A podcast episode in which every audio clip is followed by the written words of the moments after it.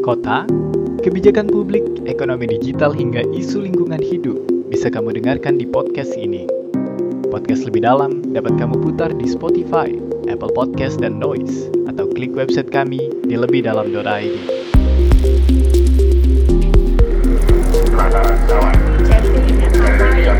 Kenapa susah banget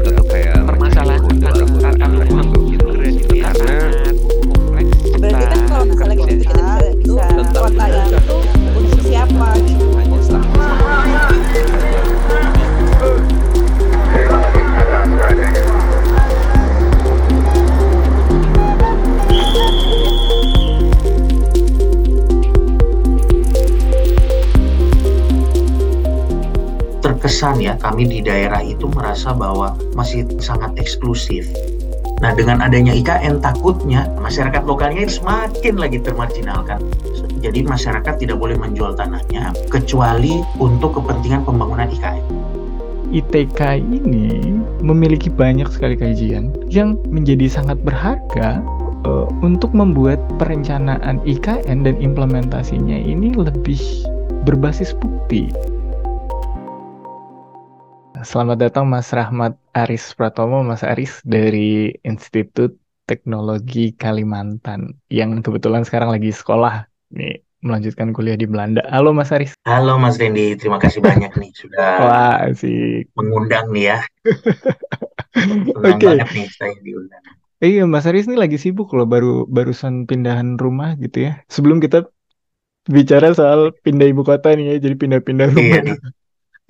Kayaknya saya berurusan terus dengan yang pindah-pindah kayaknya. Waduh. Habis pindah rumah, ibu kotanya juga dipindahkan nih. Rumahnya Indonesia juga dipindahkan kan, ibu kotanya itu ke Kalimantan nih. Tapi saya jadi inget nih gara-gara ngomongin pindahan. Dulu pernah ada satu forum kota yang membahas secara spesifik tentang urban mobilization ya. Jadi jadi memang kota itu jantungnya perkotaan adalah perpindahan gitu. Jadi kota nggak bisa nggak bi nggak akan ada kota kalau nggak ada perpindahan. Iya, gitu.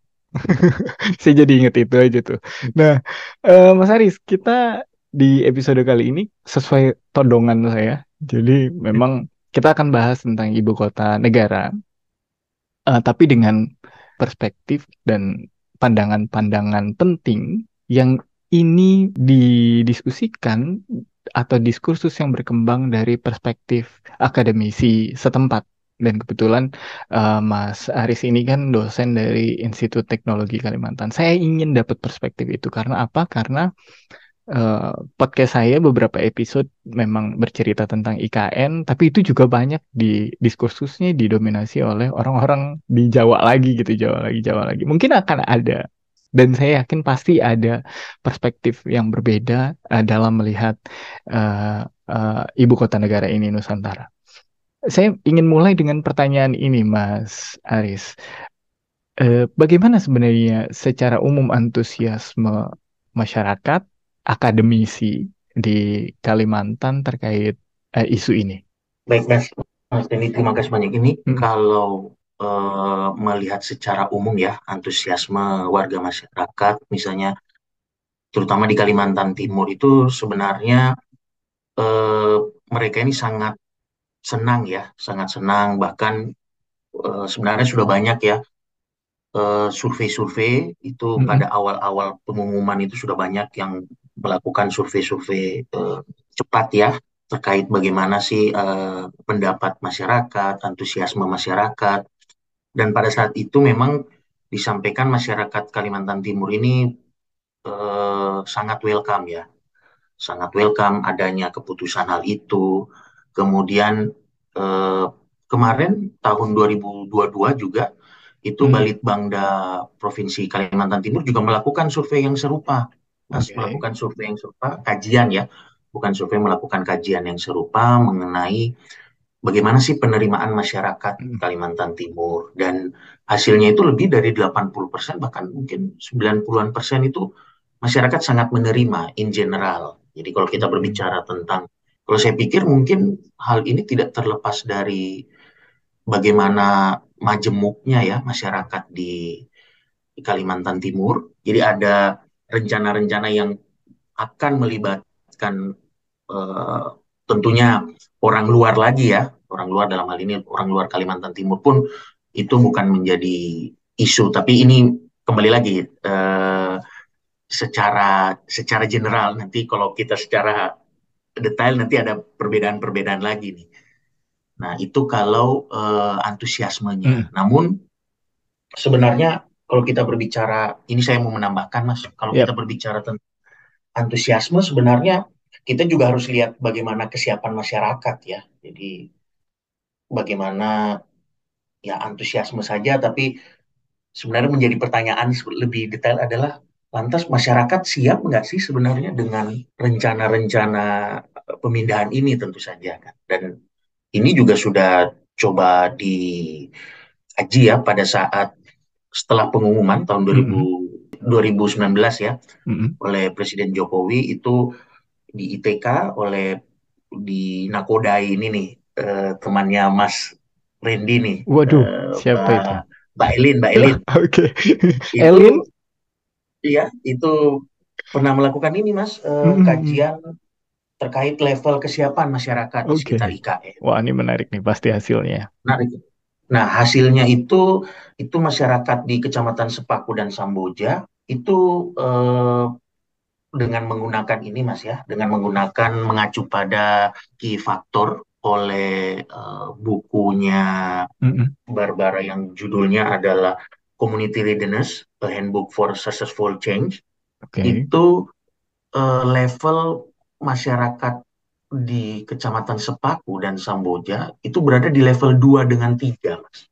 Yang artinya Dari berapa itu dari range-nya? 9. Dari 9, Dari range 2 sampai 3, dari 9. Ya. Oke, yang artinya? Itu levelnya eh, masuk di denial atau resistant dengan vague, vague awareness. Jadi eh, masyarakat ini masih karena pada saat itu ya mungkin karena informasinya memang masih sangat kurang dan Mm-mm. dan kita tahu ya bahwa perencanaan ini kan banyak bermain di pusat ya di Mm-mm. pemerintah daerah pun awal-awalnya itu bahkan kalau kita diskusi dengan pemerintah daerah bahkan tidak tahu terkait dengan mau seperti apa sih rencana pemindahan dan pembangunan IKN ini. Awal-awal 2022 itu kan masih terkesan ya kami di daerah itu merasa bahwa masih terkesan sangat eksklusif, Hmm, eksklusif oleh pemerintah pusat ya. Oke. Nah, ini yang kemudian pada saat kita bertanya ke masyarakat lokal, mereka menerima adanya pemindahan, tapi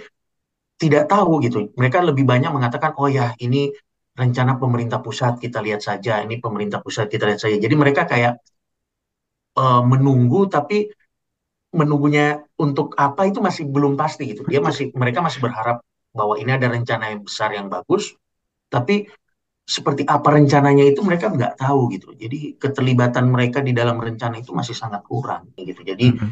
pada saat itu pada tahun 2000 dan 2021 itu kesiapannya masih menurut saya di level 2 dan level 3 itu masih sangat sangat rendah ya. Dan itulah kemudian kenapa tahun 2022 itu begitu adanya OIKN kan pemerintah mulai genjot ya, genjot program-program untuk persiapan pemindahan. Jadi secara umum kondisi di Kalimantan Timur dan di IKN sekitar IKN eh, secara khususnya itu seperti itu Mas. Bagaimana eh, antusiasme dan kesiapan masyarakat. Jadi antusiasmenya ini tinggi gitu ya. Karena Ya. seperti sesuatu yang dinanti-nanti, apalagi eh, masyarakat Kalimantan sudah terbiasa untuk menerima eh, hal-hal yang didesain oleh pemerintah pusat, tapi ketika eh, eh, bicara soal kesiapan, ternyata kesiapannya cukup rendah. Bagaimana dengan dengan dengan eh, perspektif, pandangan, bahkan keterlibatan akade- akademisi setempat? Mungkin kalau bicara masyarakat luas tadi, mungkin memang belum waktunya gitu. Tapi kalau dari sudut pandang akade- Iya. akademisi gitu, apakah sudah mulai dilibatkan oleh pemerintah terkait rencana eh, pemindahan ibu kota ini? Eh, sebenarnya ini kalau pengalaman Hmm. pribadi ya, sebenarnya dalam beberapa dalam perencanaannya ya. Kalau kita tahu sekarang sampai sekarang ini kan sudah banyak produk tata ruang yang dibuat ya terkait dengan IKN. Bahkan sudah ada sembilan eh, RDTR Oh, oke. nih, Mas Randy, yang sudah di sudah ada sembilan sudah di sudah sudah eh, materi teknisnya Mm, sudah dibuat. Jadi itu ada sembilan. Pemerintah sudah men- sudah membuat ya dokumen-dokumen dokumen detailnya, dokumen tata ruangnya. Namun eh, dalam prosesnya kami ya ITK karena kan di Kalimantan Timur itu satu-satunya yang ada program studi perencanaan wilayah dan kotanya kan Mm. di ITK, Oke. Mas. Itu eh, keterlibatan dalam penyusunannya itu masih Oke. sangat minim. Eh, memang kalau saya lihat, saya biasa menemukan undangan-undangan itu pada saat ini ya, pada saat misalnya ya dari informasi teman karena saya juga eh, terlibat di IAP, jadi biasa melihat bahwa IAP diundang.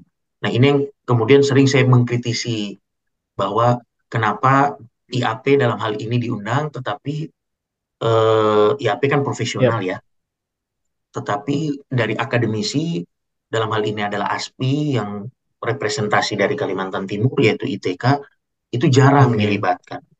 Ini yang ya saya sudah coba berapa kali sih mengkritisi dan meminta kalau bisa ITK juga diundang karena ya pada akhirnya nanti kajian-kajian atau apa pun yang terjadi di IKN pada akhirnya kita yang paling Mm, dekat kan. mm. Jadi kita yang akhirnya nanti di- dianggap bahwa oh ini ada PWK di ITK tetapi kok seperti ini perencanaannya tidak berkontribusi dan lain-lain. Jadi sebenarnya kami tidak mau disalahkan juga pada akhirnya nanti kan. Jadi sebelum kami disalahkan ya sebaiknya kami juga dilibatkan gitu akhirnya agar paling nggak kita bisa memonitor kan sejauh mana sih eh, dokumen-dokumen perencanaan yang sudah Mm. dibuat. Seperti itu Mas kalau terkait dengan eh, Yap. keterlibatan. Namun eh, ya secara ini tadi ya dari kebijakan tata ruangnya, tetapi eh, kami di ITK bahkan, nah dengan rektor yang baru ini itu bahkan ada di penelitian khusus ya, jadi kita eh, di apa ya Pak Rektor ini memberikan perhatian khusus mm. terhadap IKN. Jadi kajian-kajiannya pun ada kajian khusus yang didanai oleh pihak kampus terkait dengan IKN.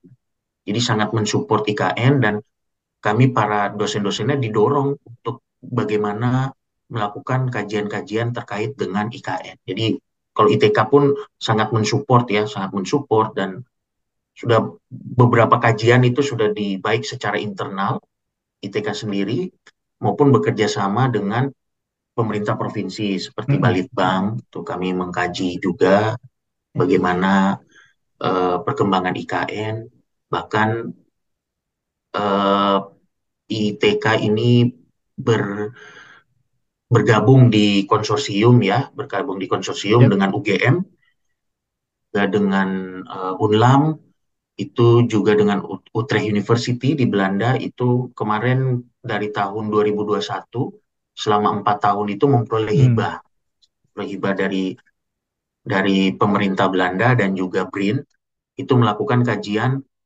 eh, terkait dengan pengembangan IKN. Jadi lebih ke eh, sustainable urbanization.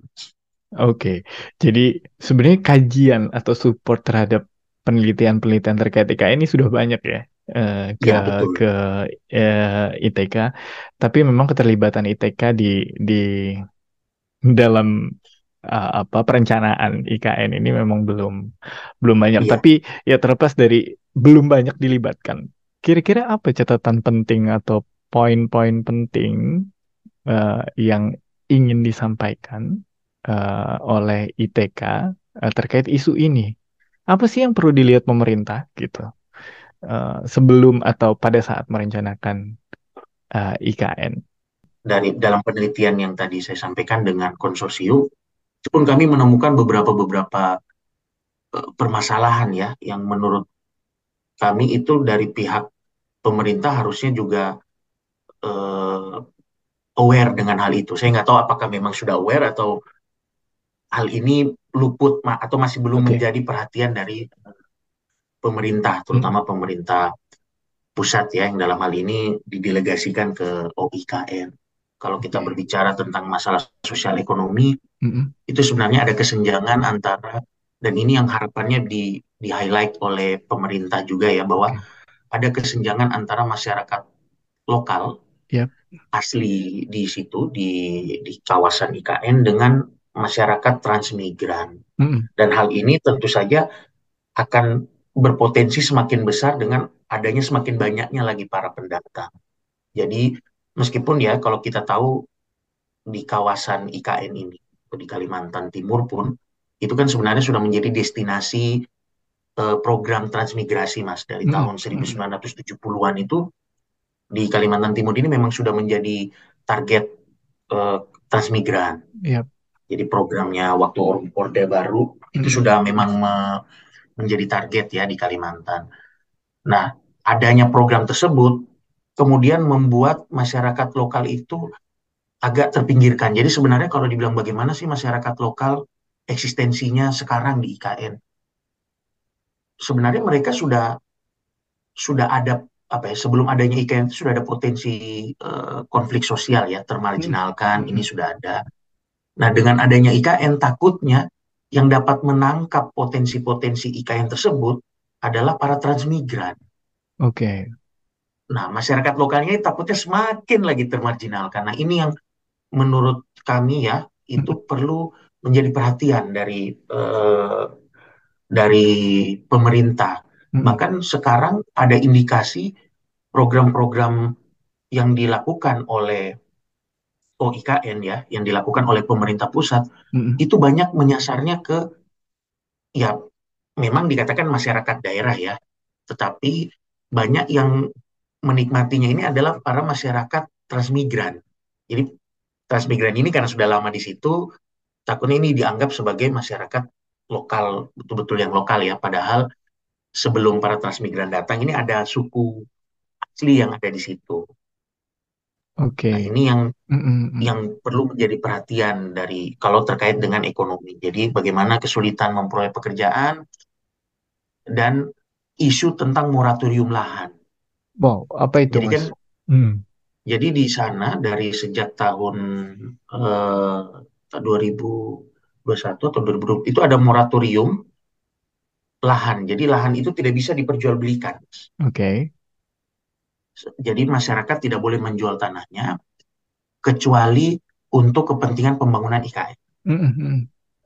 Nah, hal ini memang motivasinya, semangatnya sangat baik ya, karena mungkin takutnya masyarakat lokal ya, kita tahu bahwa masyarakat pedesaan, masyarakat di periurban, itu kan sangat bergantung sama kegiatan-kegiatan ekstraksi yang berhubungan dengan tanah mereka. Kan.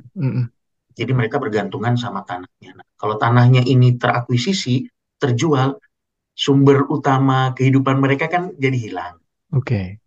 Nah, jadi saya meng- menganggap bahwa adanya moratorium ini adalah untuk meminimalisir adanya eh, apa ya istilahnya Konversi apa kalau tanah Oh, ini spekulasi makelar spekulan tanah itu ya. Mm-mm. Jadi makelar tanah lah ya.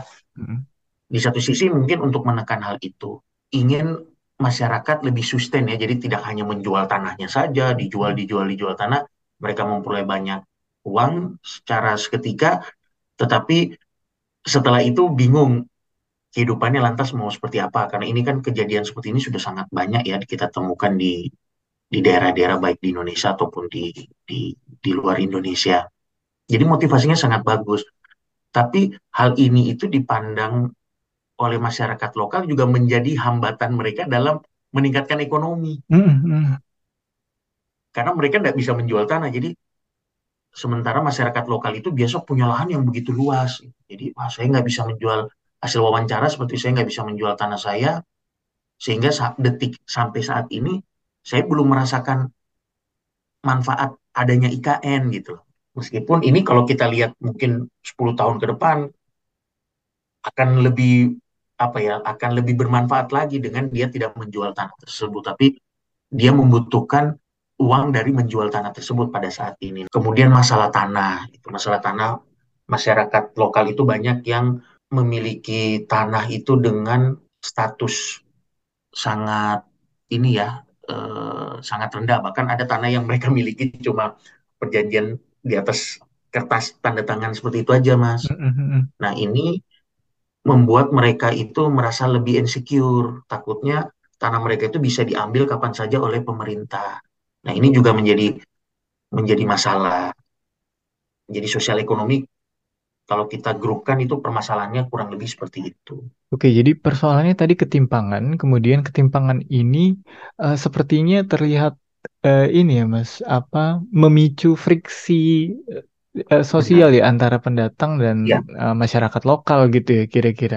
Tapi benar. apakah karena karena ini tadi Mas Aris juga menekankan bahwa situasi ini sudah terjadi bahkan eh, sebelum ada IKN, apakah memang ada faktor dari katakanlah struktur eh, kebijakan kita yang yang mempengaruhi atau memperparah terjadinya ketimpangan tersebut gitu.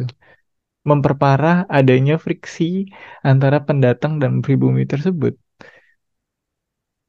Eh, kalau kebijakan sih sebenarnya nggak ada, Mas ya. Mm, mm, Struk, mm, mm. eh, tetapi mungkin malah struktur penduduknya malah kalau menurut Oke. saya ya Mm, mm, melihatnya itu karena dilihat dari eh, tingkat pendidikan.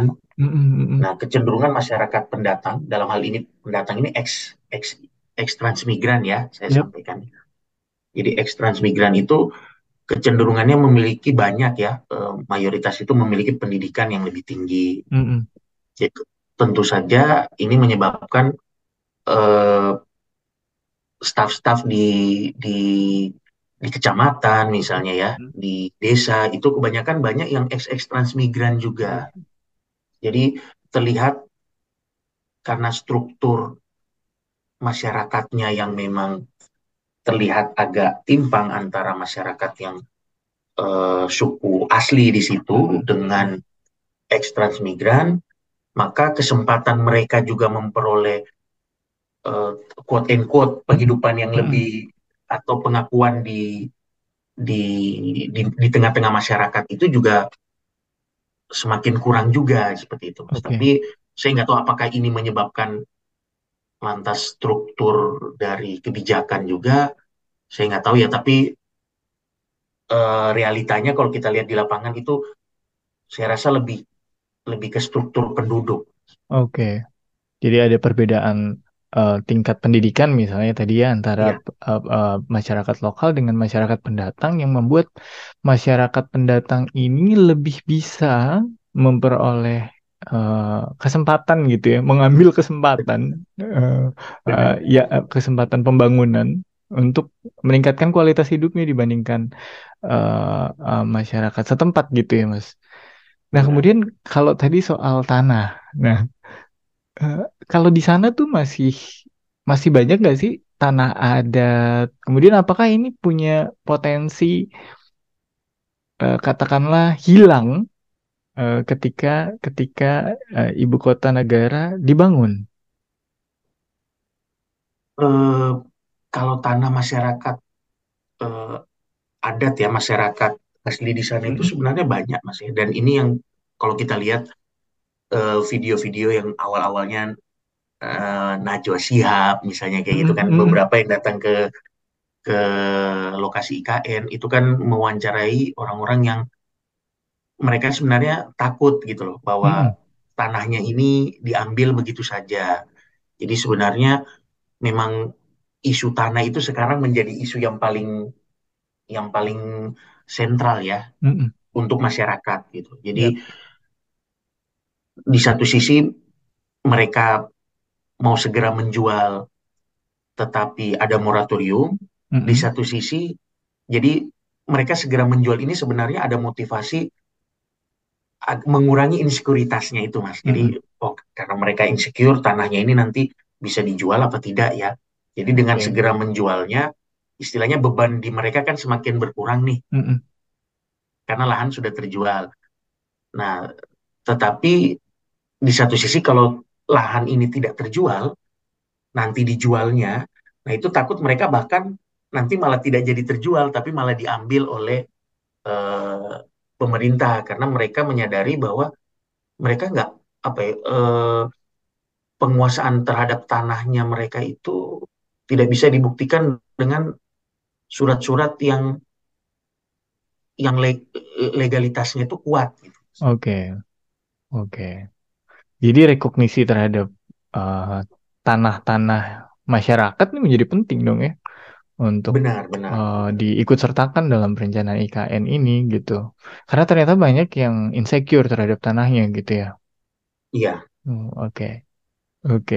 Terakhir, uh, Mas Aris, apa apa kemudian hal yang perlu diperhatikan oleh pemerintah? Aspirasi apa sih yang ingin dibawa oleh oleh Mas Haris, teman-teman di ITK, uh, un- supaya uh, suara dari akademisi dan masyarakat setempat itu lebih didengarkan uh, oleh pemerintah terkait rencana rencana ibu kota negara ini. Karena kan ini rencananya tidak pertama tidak main-main. Ini adalah mega project gitu betul. ya, proyek yang sangat besar yang bukan hanya mendatangkan infrastruktur yang skalanya besar juga, tapi mendatangkan manusia, penduduk eh, dari luar Kam- Kalimantan dalam jumlah yang besar juga gitu.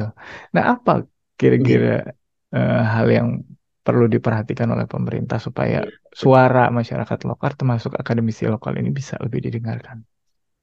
Iya, benar, Mas. Jadi saya sebenarnya sepakat dengan Mas Reddy ya. Jadi bahwa ini adalah proyek besar yang eh, sebenarnya kita bisa menyampaikan proyek yang tidak boleh gagal gitu. Mm-mm, Karena mm-mm, dananya besar, semua apa, semua perhatian kayaknya pemerintah di Indonesia ini ke IKN gitu. mm-mm, mm-mm. Nah, jadi eh, sebenarnya sih masalah yang utama adalah aliran informasi, Mas. Jadi Oke. ya saya nggak tahu ini apakah karena memang ya kita tahu bahwa OIKN baru tahun kemarin ya, Mas ya. Mm-mm, Bahkan eh, deputi-deputinya, direktur-direktur di dalam OIKN itu baru di Terbentuk. awal-awal tahun ini Mm-mm, baru ya baru terbentuk dan di awal tahun ini baru ditunjuk gitu loh siapa-siapa. Jadi mungkin menurut saya ya saya dalam hal ini berpikir positif bahwa ini masalah waktu gitu. mm-mm, Nah, yang perlu dikejar adalah bagaimana kami yang dari akademisi ini sudah melihat terutama akademisi lokal ya, sudah melihat bagaimana permasalahan di daerah ini adalah mereka tidak tenang dengan adanya rencana. Jadi eh, ada indikasi seperti mereka pengen segera mengetahui apa di, akan direncanakan sebagai apa, di sebagai apa, Mm-mm, sebagai apa, mm-mm, sebagai, mm-mm. sebagai apa gitu. Jadi jadi meskipun IKN sudah mengklaim bahwa dirinya melibatkan masyarakat, memberikan informasi, kenyataannya apa yang dilakukan itu masih belum cukup. Mm. Nah, jadi merespon permasalahan yang ada di yang saat ini mungkin lebih bijak menurut saya dari sisi pemerintah adalah bagaimana transfer informasi itu yang di lebih digencarkan dan bagaimana masyarakat itu merasa bahwa dirinya itu adalah bagian dari proyek ini gitu. Karena banyak masyarakat itu masih merasa bahwa mereka hanya tinggal nunggu aja ini Mhm, mhm. IKN akan ya. jadi seperti apa ya dan let's see gitu. Itu yang menurut saya akhirnya bisa dimanfaatkan orang-orang yang mungkin tidak bertanggung jawab ya Ya, ya. untuk menyalahgunakan semangat dari adanya IKN ini. Jadi kalau saya sih sesederhana itu sih Mas kalau yang ingin saya sampaikan. Jadi akses terhadap informasinya itu di Iya, diperbesar sehingga masyarakat bisa lebih antisipatif gitu ya dengan rencana rencana pembangunan IKN ini. Apakah itu berkaitan eh, terkait eh, apakah itu terkait dengan strategi untuk tadi membuat mereka lebih secure gitu ya, lebih aman benar. katakanlah tadi soal lahan, bagaimana mereka menjaga sekuritas ini. Mungkin pilihannya juga bukan soal dia bisa menjual atau tidak menjual gitu. Apakah masyarakat perlu bersiap-siap untuk eh, apa me- me- men- mengadvokasi atau men- mendorong legalitas tanah yang mereka miliki, misalnya gitu ya. Kemudian eh, yang kedua, kalau saya se- sepakat betul gitu ya.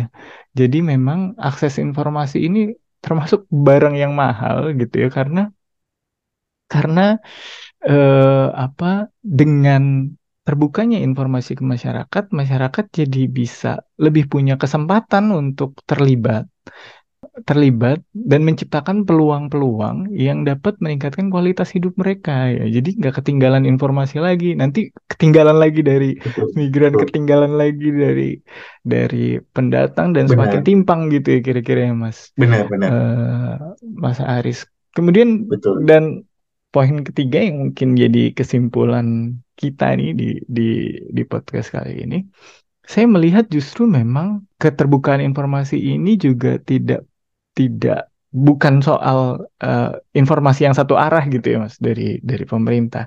Karena karena apa saya tadi mendengar cerita Mas Aris, ITK ini memiliki banyak sekali kajian eh, atau merencanakan banyak kajian terkait terkait IKN, bukan hanya kajian yang disupport oleh kampusnya sendiri, tapi juga disupport oleh mitra-mitra lain yang menurut saya ini menjadi sangat berharga harusnya dilihat oleh pemerintah eh, untuk membuat perencanaan IKN dan implementasinya ini lebih berbasis bukti ya jadinya.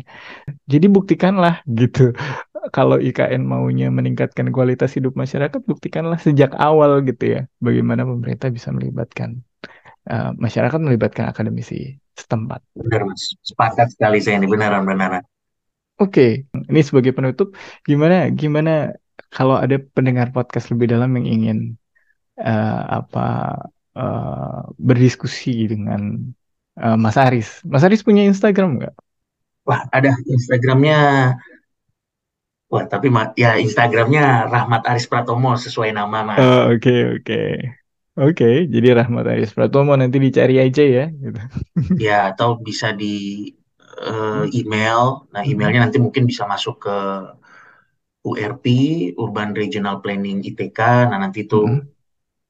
ya menurut saya nggak harus ke saya tapi dengan dengan teman-teman di ITK juga terutama di PWK ITK juga sangat sangat welcome ya Mas ya untuk kajian-kajian ini dan kami juga terus mencoba menjalin mitra nih karena kami kampus baru nih Mas baru tahun 2012 berdiri PWK-nya 2013 jadi masih sangat baru masih sangat ya kalau 13 ini kan usia-usia manusia dari 2013 berarti baru 10 10 tahunan tahun ya gitu ya. ya itu masih sangat muda gitu jadi makanya kenapa kami biasa nyantol ke kampus lain ngajak mitra kerjasama gitu jadi biar biar lebih lebih apa ya lebih lebih banyak lah capaian-capaiannya yang bisa di dikeluarkan nah makanya saya sangat senang nih kalau diundang Mas Randy nih karena saya li- lihat-lihat nonton-nonton podcastnya ini menarik-menarik nih untuk menambah ilmuwan terus Terima kasih loh, Mas Mas Aris. Makasih ya loh. saya Saya yang kemarin saya makasih. nonton-nonton itu wah ini menginspirasi nih apa nanti saya coba sampaikan ke mahasiswa-mahasiswa saya lah untuk juga menonton-menonton ya karena banyak ilmu-ilmu yang Ya, bisa diperoleh gitu Mas ya dari podcast-podcastnya. Nggak ya. cuma podcast-podcast tentang politik saja kan. Karena sudah dipancing oleh Mas Aris, jadi buat yang baru mendengarkan eh, podcast lebih dalam, wah ini podcast eh, saya bisa didengarkan di Spotify, di di banyak channel sebenarnya di Spotify, di Apple Podcast kalau yang pakai iPhone gitu ya, atau di Google Podcast yang pakai Android, atau di Noise, Noise ID, eh, dan banyak channel lainnya seperti Amazon Podcast dan dan lain sebagainya. Cari aja podcast lebih dalam di di di Google gitu ya nanti akan ketemu dan banyak sekali episode terkait uh, perencanaan kota di sana.